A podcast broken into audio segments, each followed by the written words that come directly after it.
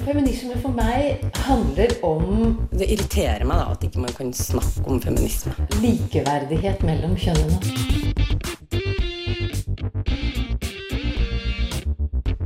Det blikket på kvinnen på film. handlet det om å bli tatt på alvor som jente. Du hører på Et eget rom på Radio Nova. Om det er gutt eller jente, ser ut til å være et stadig viktig spørsmål når noen er blitt gravid. Hvorfor er vi egentlig så opptatt av dette? Hva gjør det med fokuset med det stadige skillet mellom blått og rosa, jenteting og gutteting?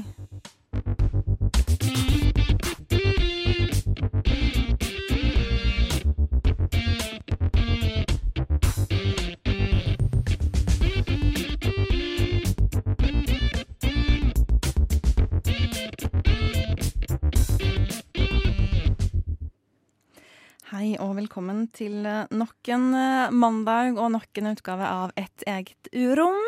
Eh, Denne gangen så er det meg, Linda Rosmerg og Synnøve Meisingseth som skal være med selskap. Og Synnøve, velkommen tilbake. Vi må si det. Ja, tusen takk. Det er veldig deilig å endelig sitte i Radio Novas flotte nye studio igjen. Igjen. Det er ganske lenge Åh. siden. Og det er så deilig å være her sammen med deg. Du har jo det siste semesteret fått en enorm kunnskap om Brasil. Ja, jeg har vært i Brasil i da fire måneder og reist litt eh, rundt, eh, så føler jeg sånn greit skolert eh, i Brasil, ja. Du får dessverre ikke så veldig mye nytte av den kunnskapen akkurat nå. Men du har kanskje litt annen kunnskap på lager. Det er jo da barn og jenter, jente, gutter i rosa og blå som er liksom tema i dag. Og Funky-Gine, som jeg kaller henne, blogger, Georgine som hun egentlig heter, hun skrev, eller stilte et spørsmål på bloggen sin sist sommer om er det rosa pledd eller blått barnerom som tvinger barn inn i kjønnsrollemønstrene, eller er det våre holdninger? Og hun har jo for så vidt et godt spørsmål. Det er Ja. bare så vanskelig å skille mellom fargene og holdningene våre. Ja, men jeg tenker at de ofte henger veldig sammen på en måte, da. Ja. Jeg tenker Hvis du møter et fremmed barn, og det har på seg rosa klær, så vil du gjerne snakke til det eh, som om det er jente, og på den måten man da snakker til jente-barn på, på samme måte som hvis man møter et fremmed barn som har på seg blått, så vil man da snakke på en ganske annen måte, tror jeg. Og så har man jo lagt, altså Kulturen og samfunnet har jo tillagt rosa og blått forskjellige mm, symboler, eller, eller en sånn måte å tenke på. da. Det betyr forskjellige ting. Mm, som man oppdrar barn innenfor igjen. Sant? Selv om det i utgangspunktet bare er en farge, så er det ikke, det er ikke bare en farge likevel. Nei, det er akkurat som om fargen rosa bærer med seg visse egenskaper, personlige egenskaper og, og interesser. Eh, som også man ser veldig tydelig på barneleika, en måte som er veldig også kjønna, da. Vi skal snakke om dette både før og etter eh, fødsel. Men når vi er med disse fargene eh, Vi har jo vært små en gang, eh, Synnøve. Husker du eller vet du hva som var din yndlingsfarge, eller yndlingsfarger, da du var liten? Jeg tror faktisk jeg husker det fordi jeg husker man hadde sånne skole, eh, sånne dagbøker der det var sånn favorittfarge, favorittmat, favorittklesplagg. Ja, ja. Og da husker jeg, og det, det er det faktisk fortsatt, at jeg er veldig glad i rød. Og det er veldig sterkt, sånn, veldig sånn signalrød, men jeg husker også veldig godt at Fordi jeg gikk på dansing, ballett og sånn der da jeg var liten, og det var veldig sånn jentemiljø. Så jeg blei også veldig glad i, eller måtte egentlig veldig glad i liksom sånn rosa ballettkjoler og, og det der, så jeg, kom ikke, jeg slapp ikke helt unna. Eh, rosa eh, fascinasjon. Ja, jeg husker det ikke så godt selv, men eh, jeg har jo fått fortalt det mange ganger og har masse bildevis. Jeg elsket rosa og grønn. Rosa og grønn, ja. Eh, Jeg tror faktisk grønn var litt bedre enn rosa. Det var veldig mye rosa og grønt da jeg vokste opp, og grønn er eh, fremdeles favorittfarge nummer to. Så det har liksom fulgt meg hele livet, den eh, grønne, altså ulike nyanser av grønt. Hva er favorittfarge nummer én, da? nå er det blått, Det er blått, ja. For som det veldig mange andre har. Hvor mange jenter er det som tar med seg yndlingsfarge rosa videre i livet? Jeg tror egentlig ikke det er så mange. Tror, nei, jeg tror ikke det. Altså. Eller jeg vet om flere som alltid har likt rødt. Ja. Det, har liksom, det liker du også som voksne. Men rosa, da tror jeg de aller fleste jeg vet om, eh, har liksom skiftet mening i løpet av livet. Vet du hva, Jeg har en, jeg har en tanke om hvorfor. Og det tror jeg fordi at da, man har da så tidlig forbundet rosa med da liksom det søte, feminine, uskyldige, og så vokser man opp, og så har man jo ikke lyst til å liksom Ha Ha den. den. Ja, Mm. nei, du vil ikke ha den merkelappen. Og da kan du liksom ikke like rosa. Det, ja, ikke sant. Vi skal snakke mer om eh, farger og alt mulig rart, eh, men aller eh, først skal du få litt musikk. Den amerikanske rocketrioen X-Hex. Deres andre album slippes til våren, og her er første smak.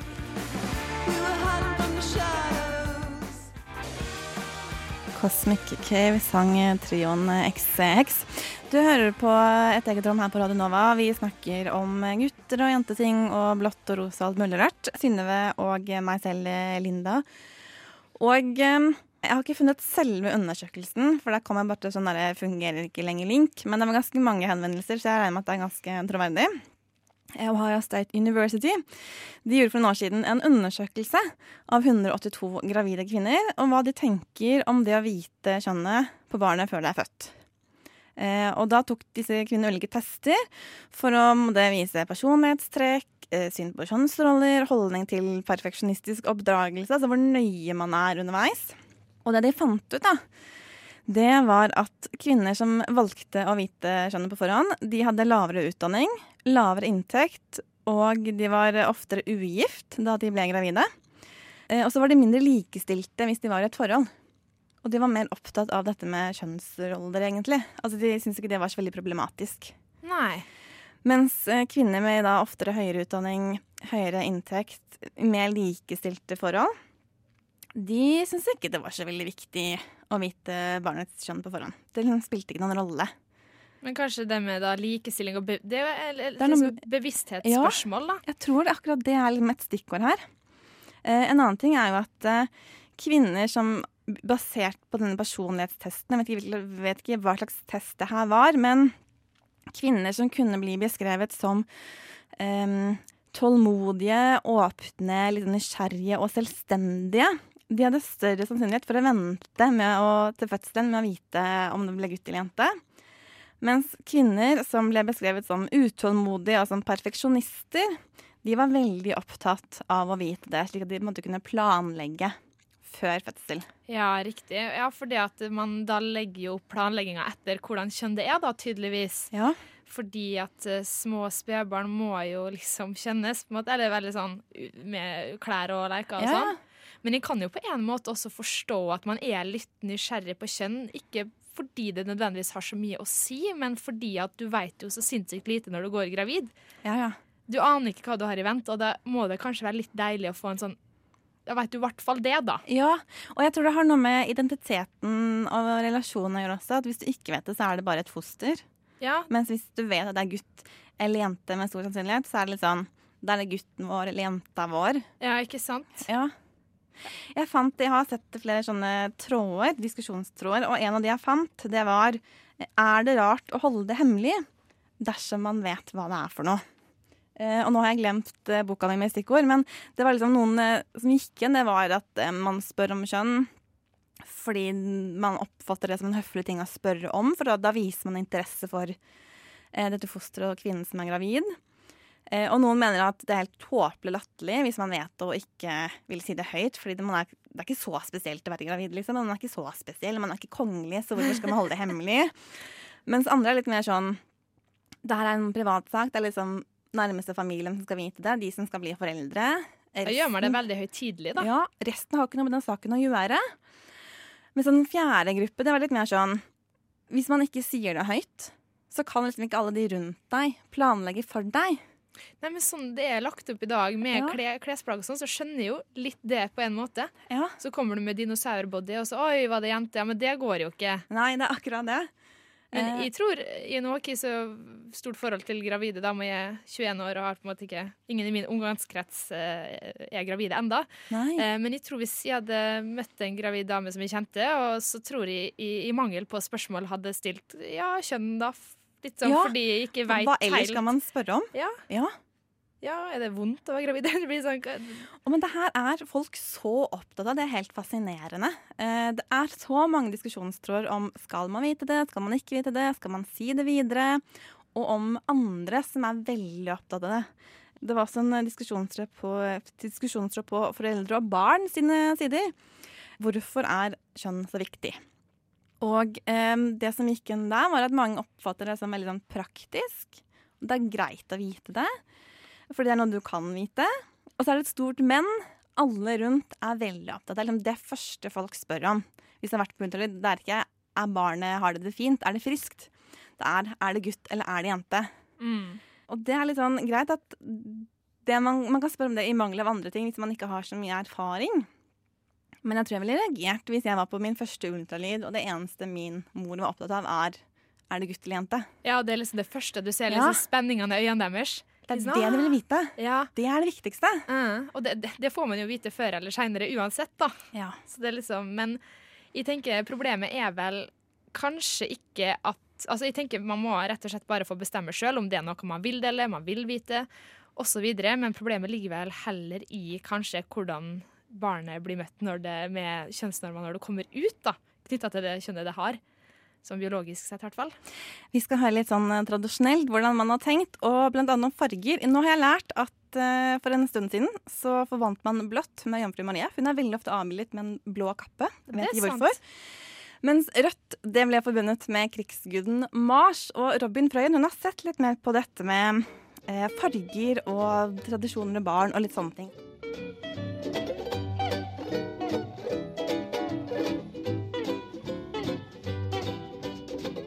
I en video på YouTube ser jeg et spent par stå på hver sin side av en stor, svart ballong. De er omgitt av det jeg antar er venner og familie, og alle er kledd i enten rosa eller blått. De holder i rosa og blå kopper, omringet av rosa og blå ballonger. Så synkront som mulig stikker det lykkelige paret hver sin nål i den store, svarte ballongen. Med et smell strømmer det ut rosa konfetti. It's a girl! You could give me any challenge. I'ma come out on the top. I can run for miles, no stopping. No, I'm never gonna give up. Men visste du at ordet girl sin opprinnelige betydning egentlig bare betydde barn? Fram til 1500-tallet betydde det mellomengelske ordet girl rett og slett bare baby. Alle som fikk barn, fikk girls. Guttebarn blir kalt nave girls, og jentebarn blir kalt gay girls. Boy var et ord man på den tiden kun brukte om tjenestegutter, og i hvert fall ikke om nyfødte guttebarn i overklassen. Der var det girl power all the way.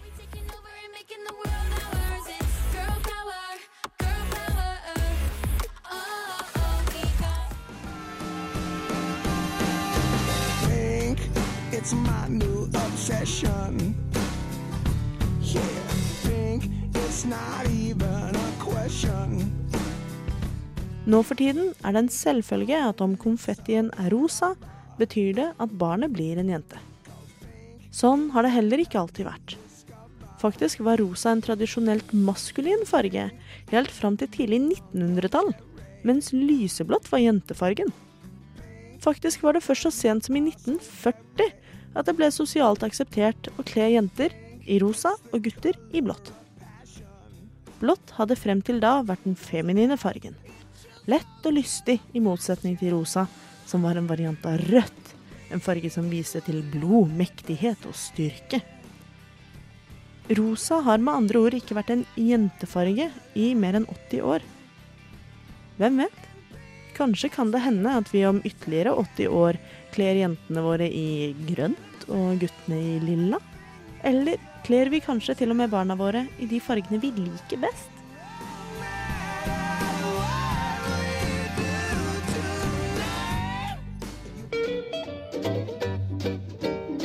Kjønnsroller er i evig forandring, enda de kan føles veldig absolutte mens vi lever med dem.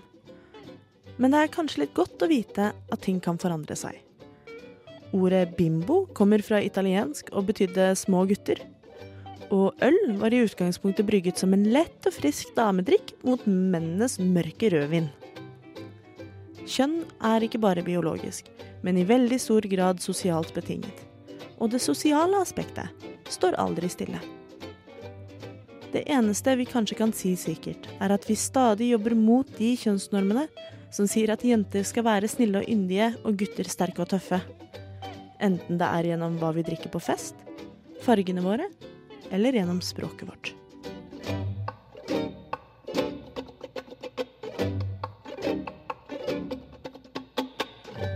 Det var eh, Robin Frøyen som lærte oss litt om eh, blått og rosa og deres utvikling når det gjelder farger og gutt og jente. Det som eh, jeg har lært da, denne uken, det er at frem til midten av 1800-tallet så kledde man barn i hvitt eller eh, ufarget eh, stoff, fordi det var det mest praktiske.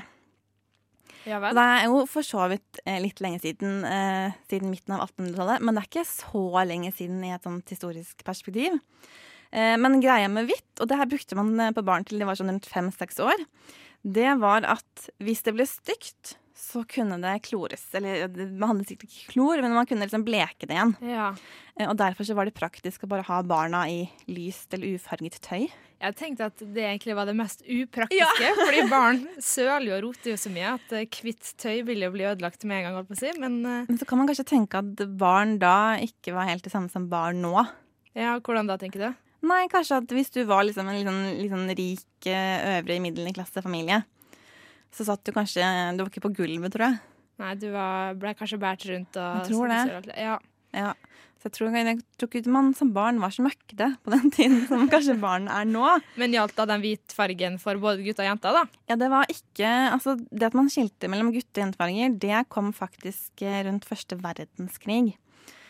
Eh, sånn at når man fikk pastellfarger, og det ble en sånn babyfarge, så var det liksom om, du var, om det var rosa eller blått eller gult eller grønt, det hadde ikke noe å si om det var gutt eller jente. Det var sånn pastellfarge, det var babyfarge. Ja. Så det var alle farger for alle kjønn? Alle farger for alle kjønn, så lenge det var pastellfarget. Ja. Ja, det var liksom det, den normen. Og så hadde det sikkert andre farger på den tiden også, som i dag. Men vi har nettopp snakket om litt sånn fokus på kjønn, og der har jo farger noe å si. Ja. Veldig. Ja det, du kan se på fargene hvordan kjenner det. Men, og der tror jeg man kan merke at det her starter liksom utenfor Norge, og så har det kommet gradvis. Eh, fordi da jeg var på ferie med mine foreldre da jeg var ett år, da hadde jeg en sånn lys blå sånn snekkerbukse. Og da trodde alle at jeg var gutt. Fordi de var vant til å tenke at blått, det er gutt. I England. I England. Ja. Og det hadde aldri min mor opplevd i Norge. At jeg bare automatisk ble oppfattet som gutt fordi jeg hadde en snekkerbukse som tilfeldigvis var blå. Der hadde de kommet litt lenger, da. De var litt lenger eh, der borte. Ja, i, eh, Men du er jo noen år yngre enn meg, Synnøve. Ja, jeg er noen eh, år yngre enn det. Og jeg, jeg snakka med mammaen min på telefon i sted og var litt nysgjerrig, fordi jeg har ei lillesøster som er fire år yngre enn meg igjen, så hun er født i 2001. Så jeg spurte mamma om hun merka noe forskjell på, på klær og farger og leker fra meg som barn og Anna, da, lillesøstera mi, som barn. Og hun svarte konstant, kontant ja. Jeg merka stor forskjell både på liksom ting som sykler, ski, leker, alt det der. Uh, og når jeg sjøl ser barnebilder av meg, så er jeg kledd i grønt og blått og hvitt og egentlig alle mulige farger, minst rosa.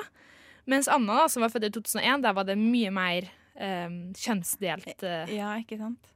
på bare fire år. Ja. Så jeg tror det kom ganske fort, egentlig. Eller sånn, det må ha skutt litt i været. Ja, Jeg kan se på at det kom sånn gradvis, og så plutselig så var man der, på en måte. Ja. Ja. At man eh, kan liksom ikke huske altså sånn, jeg tror, Ja, det gikk gradvis, men så plutselig så var vi der, og da var det en norm alle liksom var helt innforstått med. Sånn er det. ja. Nå vet ikke jeg helt hvordan det var eh, da vi var helt små, men i dag så er det veldig vanlig i hvert fall at butikkene har liksom Der er barneavdelingen, og i den kroken så er gutteklærne, og i den kroken er jenteklærne. Og da, selv om du har klær som kanskje kan brukes på begge, eller både gutter og jenter, da, så har jo butikken tatt et valg for den, mer eller mindre. Litt og sånn den styrt deg inn i sånn Det her er jentetøy. Der skal du se til jenteklærne. Og så blir man kanskje litt sånn blind som forbruker også. Og man blir litt styrt av den der eh, delingen. Ja, den mørkeblå genseren kunne for så vidt også hengt i jenteavdelinga, men eh, blir, det blir sikkert tatt et bevisst valg da, på at eh, den, skal, den er for gutta, på en måte. Um, og jeg tenker også litt på det med arving og sånn. Altså, hvis um, man har en storesøster og en lillebror, og storesøstera har rosa sykkel, rosa ski, rosa leker, rosa klær, så går jo ikke det videre, da. Da må jo det nesten bare gis bort eller kastes, for han må jo ha blå ski og blå sykkel og blå leker. Jeg leste tidligere, jeg ikke navnet, men det er en historiker fra et amerikansk universitet som har skrevet mye om farger og barn. Eh, og hun har sitert en mann på, eh, en annen forsker, at da hans første barn eh, ble født og var liten, så kunne du liksom ha hvilke som helst farger. Her er på måte slutten av 70-tallet i USA. Blå var blå og grønn var grønn, og det var samme det. Men noe få etterpå, så var det ikke bare en, en ensfarget blå trøye. Det var blå med bil på. Ja, ikke sant? Og dermed har man allerede satt stempel 'blått er gutt', fordi gutt og bil eh, tydeligvis det er en uh, sak. Ja, så er det rosa og prinsesse. Rosa Ja, sommerfugl. Rosa Sånn at og Ikke bare fargen i seg selv, men man knytter jo da farger til spesielle egenskaper i tillegg. Og interesser. Og interesser, ja.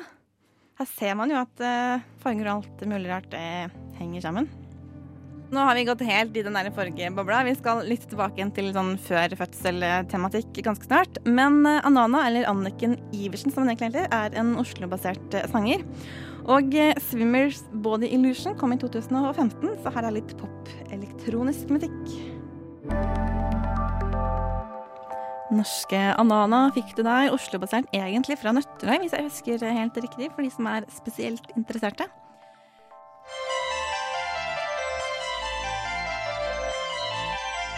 I like to joke about the man box, which is like you can only be a man if you fulfill these certain qualities and you stay within this mm-hmm. square. Du hører på Et eget rom på Radio Nova. Some of the best feminists I know, man. Og det er eh, altså Synnøve og Linda som holder deg med selskap eh, denne eh, mandagen. Og i Et eget rom i dag så snakker vi om farger og gutt og jente og kjønn og fødsel og alt mulig rart. Og nå har vi hørt litt om farger. Nå sa vi før sangen at vi skulle ut av fargebobla, og det skal vi fordi vi har allerede snakket om at man er veldig opptatt av dette med kjønn før man er født. Så Mm. har det veldig mye å si.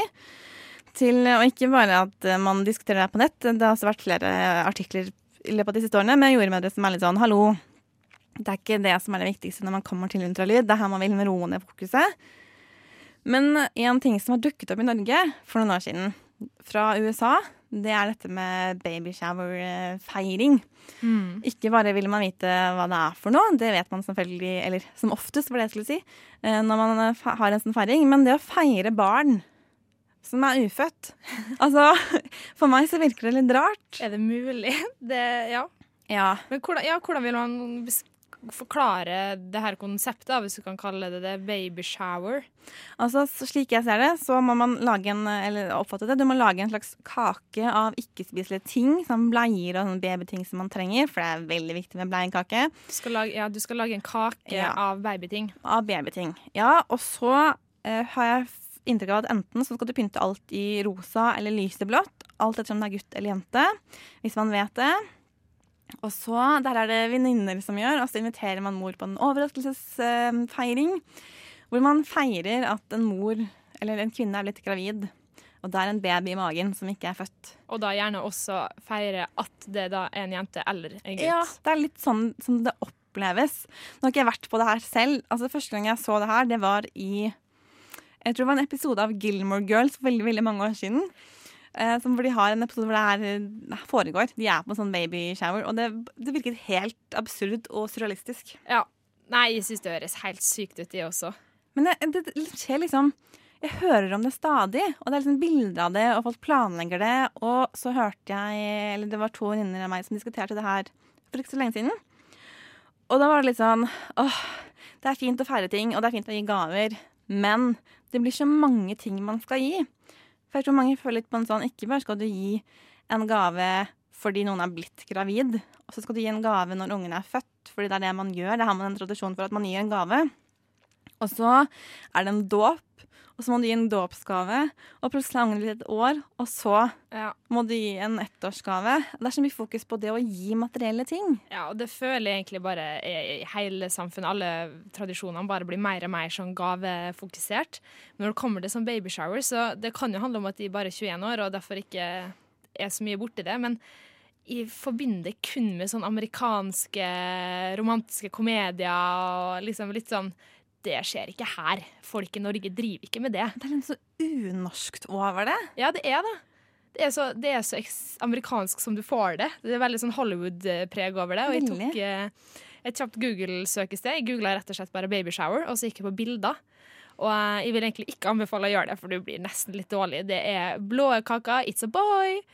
Rosa kaka, 'it's a girl'. Og bare masse pynt. Vimpler i taket, rosa eller blå vimpler, og bare Ja. Ja, det virker eh, virker veldig Altså Én ting er jo at hvis man skal gifte seg, så kan jeg kanskje forstå at man som vending har lyst til å gjøre litt stas på kommende brud eh, eller brudgom. Men altså, feire et ufødt barn Nei, altså Den norske tradisjonen er jo at man kommer etter at barnet er født. Og lenge så var det vanlig med eh, Hva heter det? det er et eller annet med sånn barselgrøt? Eller du hadde et annet ord på det også? Ja, sengemat Ja. kalles det også. Eh, som opp til 1900-tallet i hvert fall var veldig vanlig at man da kom med mat etter at barnet var født. Ja, Det var jo liksom- da kvinner liksom akkurat Ja. hadde født. Nå trenger du litt mat. Ja, og litt liksom. sånn omsorg, og nå, eh, ja, nå hjelper vi deg litt videre, på en måte, slik at du kan fokusere på babyen din og gi babyen din mat. Det tenker jeg er veldig sånn solidarisk, fin Ja. tradisjon. Og så har det eh, løpet av 1900-tallet blitt sånn at man gir en, en gave istedenfor en mat til babyen. Det er babyen som er fokus, ikke mor lenger.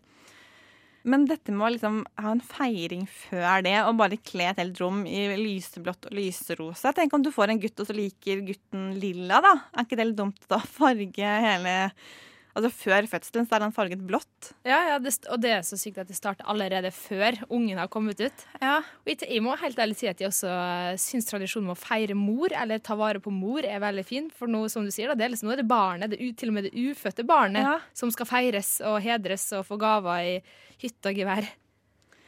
Ja. Eh, en annen eh, ny tradisjon eh, som vi skal eh, høre litt om av Andrea, det er Gender Reveals Party. Three, two, one, go!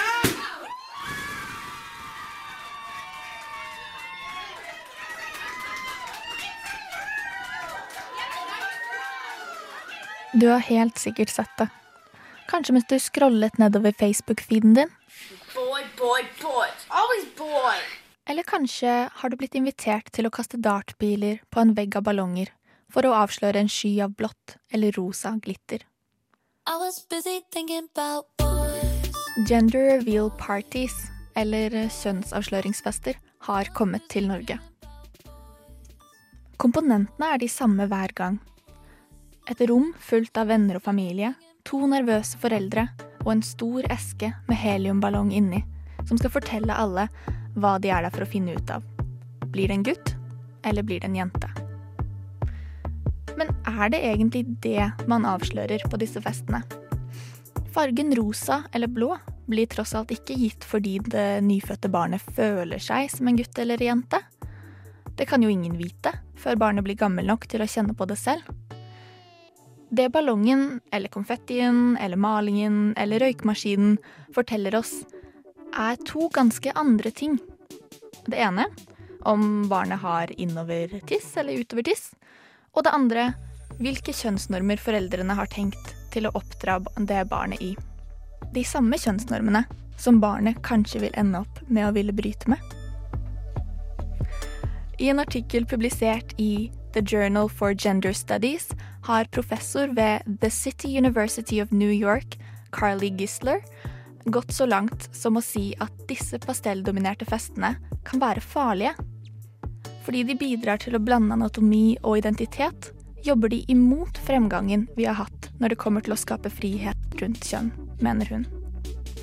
Jordmor Marte Berger Nordtvedt syns også det er synd at disse babyfikserte festene tar over for den gamle barselvisitten, hvor man kommer med mat til moren etter fødsel og tilbyr henne praktisk og moralsk støtte. Hun mener at dette er mer verdifullt, særlig når vi vet at mange mødre er slitne og opplever depresjoner etter fødsel. Likevel har sosialantropolog Gunn Helen Øye sagt til KK at hun tror at vi kommer til å se mer av kjønnsavsløringsfesten i Norge fremover.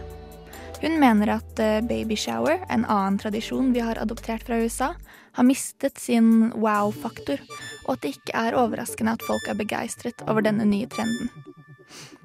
Det er også blitt trukket frem at det gir mening at en trend hvor rekvisitter og stæsj spiller en så stor rolle, blir populær fordi det fungerer så godt på sosiale medier. For til å være en fest hvor hovedaktiviteten stort sett utspiller seg på under et minutt, er det mye pynt som skal kjøpes inn.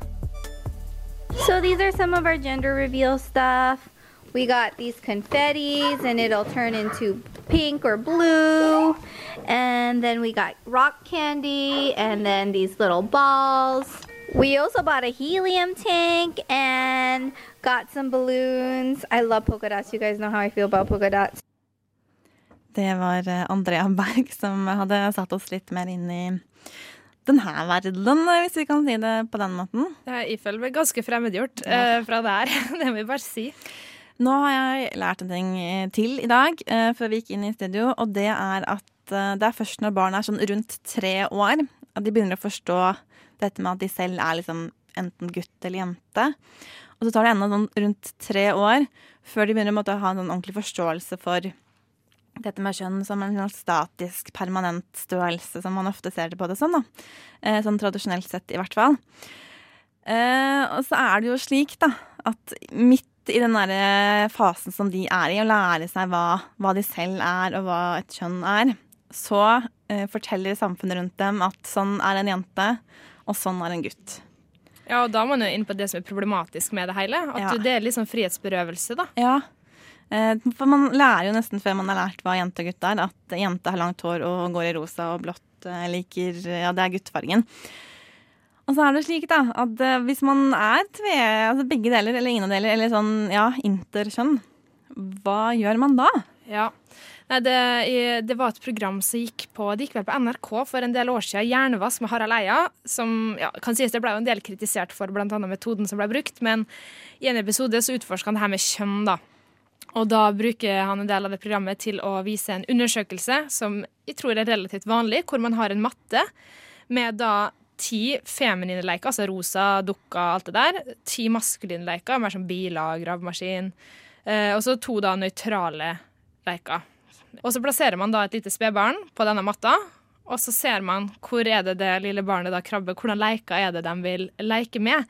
Og da mener i hvert fall eh, flere som har utført den, utført den eh, undersøkelsen her, at eh, man kan bevise at det her er biologi.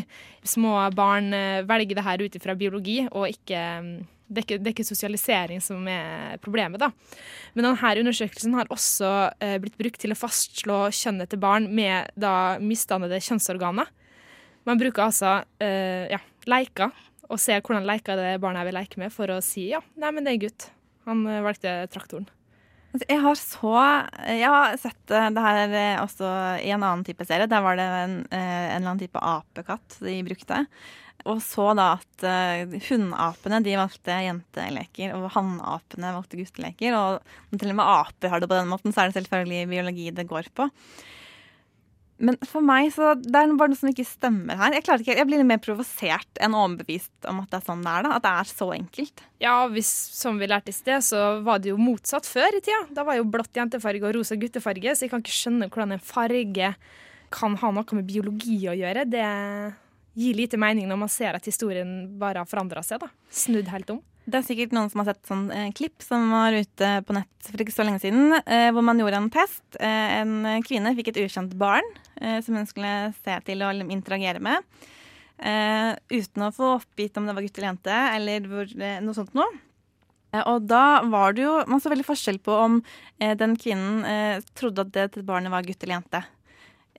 Hvilke leker som ble plukket frem, hvordan man snakket til barnet. Sånn at det er vel ingen barn, selv om de er et år, som er liksom upåvirket. Altså, det må være et eller annet, tenker jeg da, eh, i dette hodet som man vet lite om, som har gjort at man tenker sånn Å, den er min, eller den er hans, eller eh. Det tenker jeg, og når du har et barn på snart ett år, så har det liksom hatt ja, det nesten ett år på å blitt sosialisert inn i, i norma. da.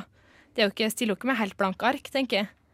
Og, og det er litt interessant å nevne også hvordan hun også snakker til barnet. Hvordan man kanskje sier til jenta 'Å, så søt', 'Å, du var vakker'.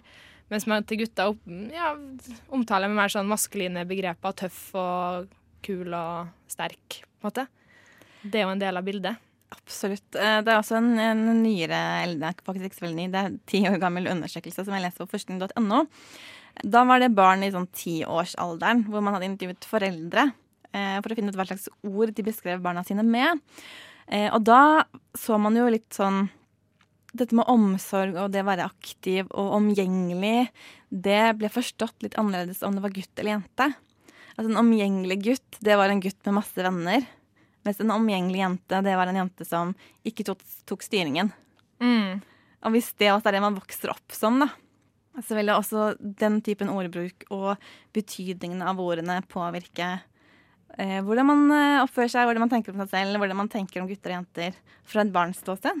Og det føler jeg egentlig henger igjen nå òg, hvordan det samme adjektivet betyr forskjellig for en gutt og en jente. Eller Ja. man tillegger det ulik betydning, da. Så det viser jo bare hvordan det liksom Det følger med oss, på en måte, med mindre man har et ganske bevisst forhold til det. Men tror du at man etter hvert eh, For jeg opplever jo i min, eh, min, mine vennegjenger, eh, som jeg nesten kan omtale som et litt private ekkokammer, at folk er veldig enige om ting.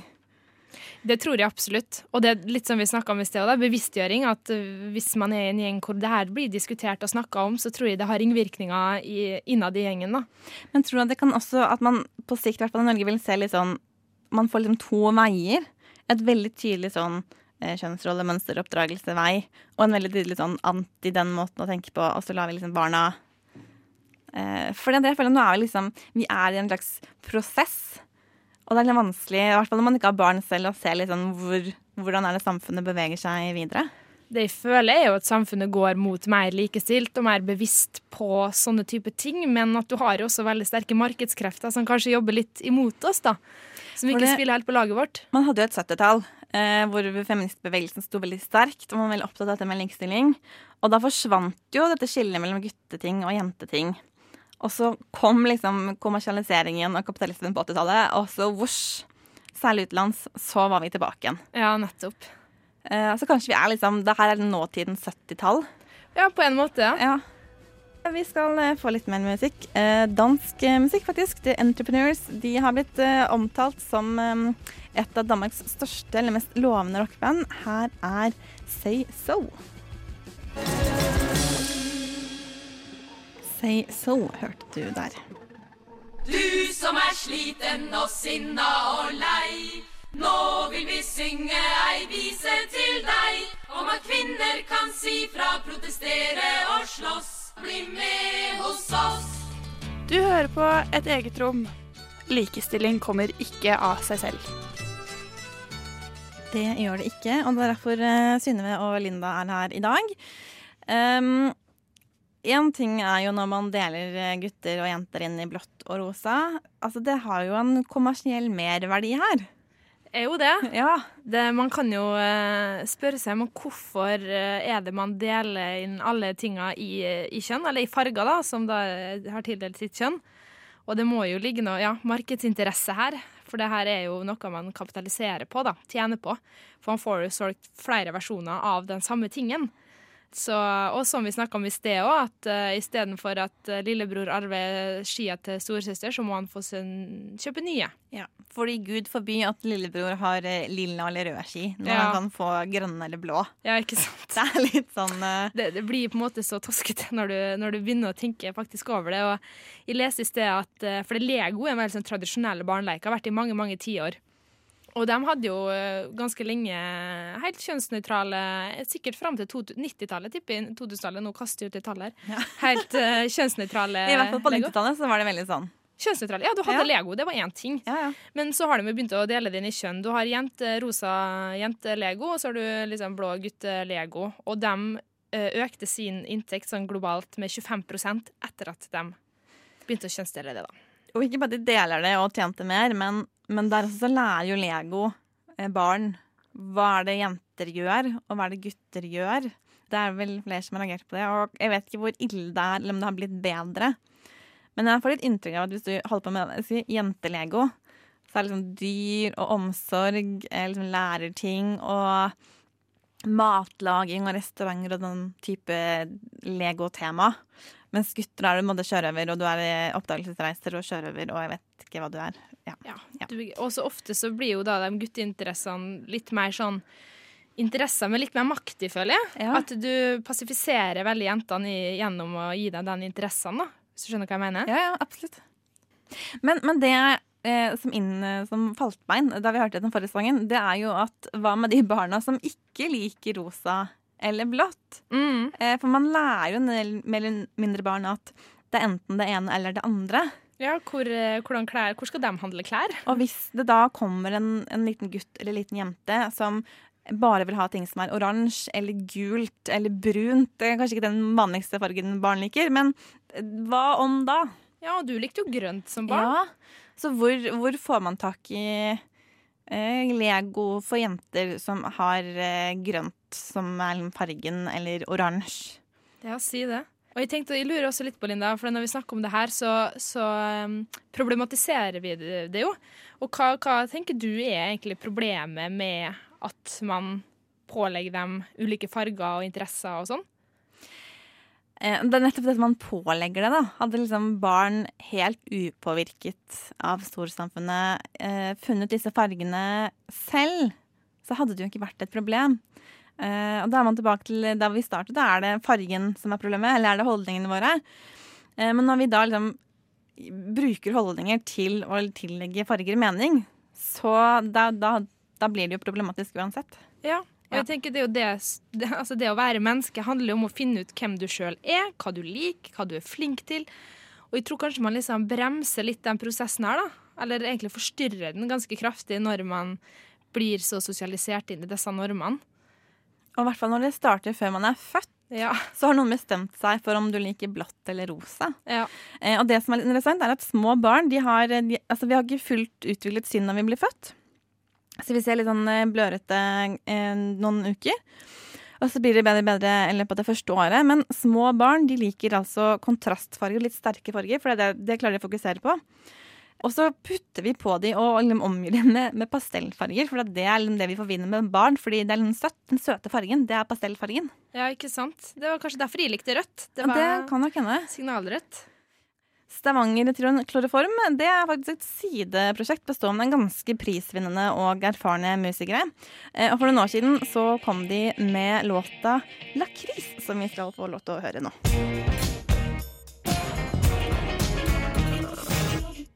Kloroform eh, fikk du der, med litt sånn Mika-aktig vokal. Låta den het 'Lakris'.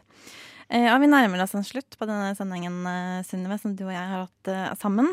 Eh, så vi må begynne å runde litt av. Ja. Ja. Eh, Det er en ting jeg tenker litt på. Nå er ikke det aktuelt for meg med det første, men det kan jo hende at eh, jeg skal få et barn i løpet av framtida. Det vet man jo aldri.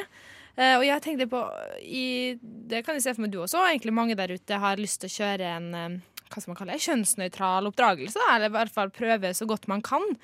Men som vi snakka om i sted, så føler man kanskje ikke at markedet eller resten av samfunnet på mange måter ikke spiller helt eh, på ditt lag. Da. Ja. Sånn at hvis, du kan jo prøve så hardt du kan, men det barnet skal jo også i en barnehage, og det skal på en skole hvor kanskje ikke resten av barna har hatt en såkalt kjønnsnøytral oppdragelse.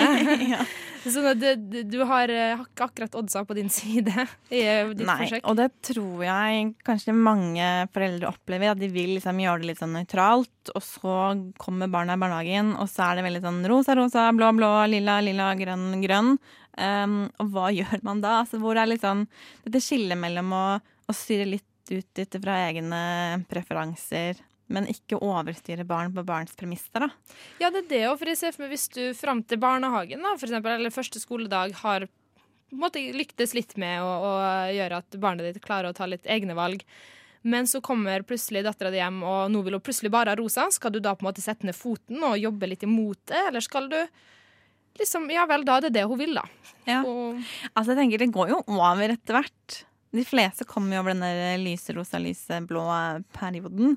Sånn at kanskje man bare skal la det liksom gå, og så, så ser man eh, hvor det kommer. ja, og tenke at kanskje det viktigste du kan gjøre, er kanskje ikke å tvinge på ei jente blå klær, men eh, å snakke til henne på en, eh, en måte som gir henne ja, verktøy hun trenger i livet, og på en måte være bevisst i språkbruken, hva du oppmuntrer henne til, og tar henne med på, og sammen med gutta, da. Ja. Vi skal ganske snart ha en slags oppsummering mer eller mindre, som du har eh, funnet frem til, Synnøve. Men jeg, vil bare si en liten ting. Fordi jeg fant et blogginnlegg som heter 'Ni gode grunner til å vente med å vite eh, kjønnet på barnet man får'. Eh, og eh, jeg har funnet noen av de, kanskje de jeg likte best, da. Jeg skal bare si det kort. Eh, Det er eh, Babyen bryr seg ikke om farger uansett. Eh, De liker kontrastfarger. Eh, Du skiller deg ut hvis du ikke vet det. Til andres eh, irritasjon eller forbauselse, kanskje. Helt unik. Det er noe med at du, altså, du får en overraskelse. Det å vente på en overraskelse er jo noe av gleden, kanskje, ved å være gravid hvis alt annet er dritt. Det, noen har sånne type stavangerskap også. Eh, og hvis du ikke vet det, så tvinges du til å være litt mer åpen når det gjelder navn, eh, når du skal eh, forberede rom og klær. For da må du ha noe som faktisk kan brukes både av gutter og jenter. Gode poeng, syns jeg. Gode- jeg likte det veldig godt. Eh, Så da tar vi en liten oppsummering av det vi har snakket om denne sendingen. So when we find out that someone is having a baby, what is the very first question we ask? Boy or girl?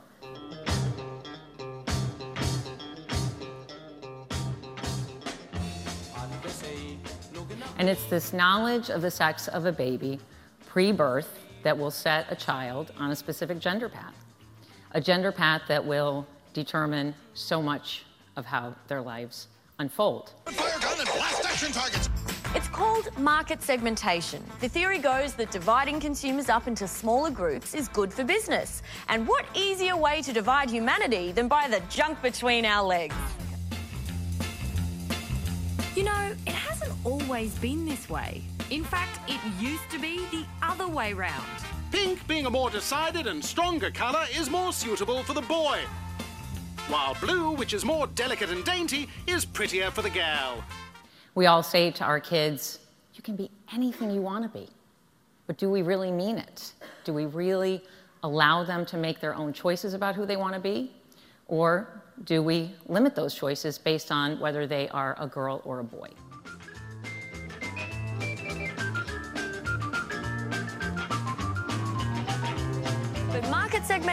Isn't just for kids.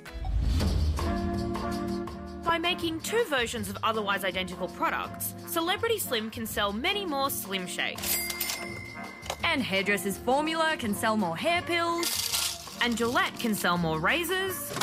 And Cotties can try to sell more cordial.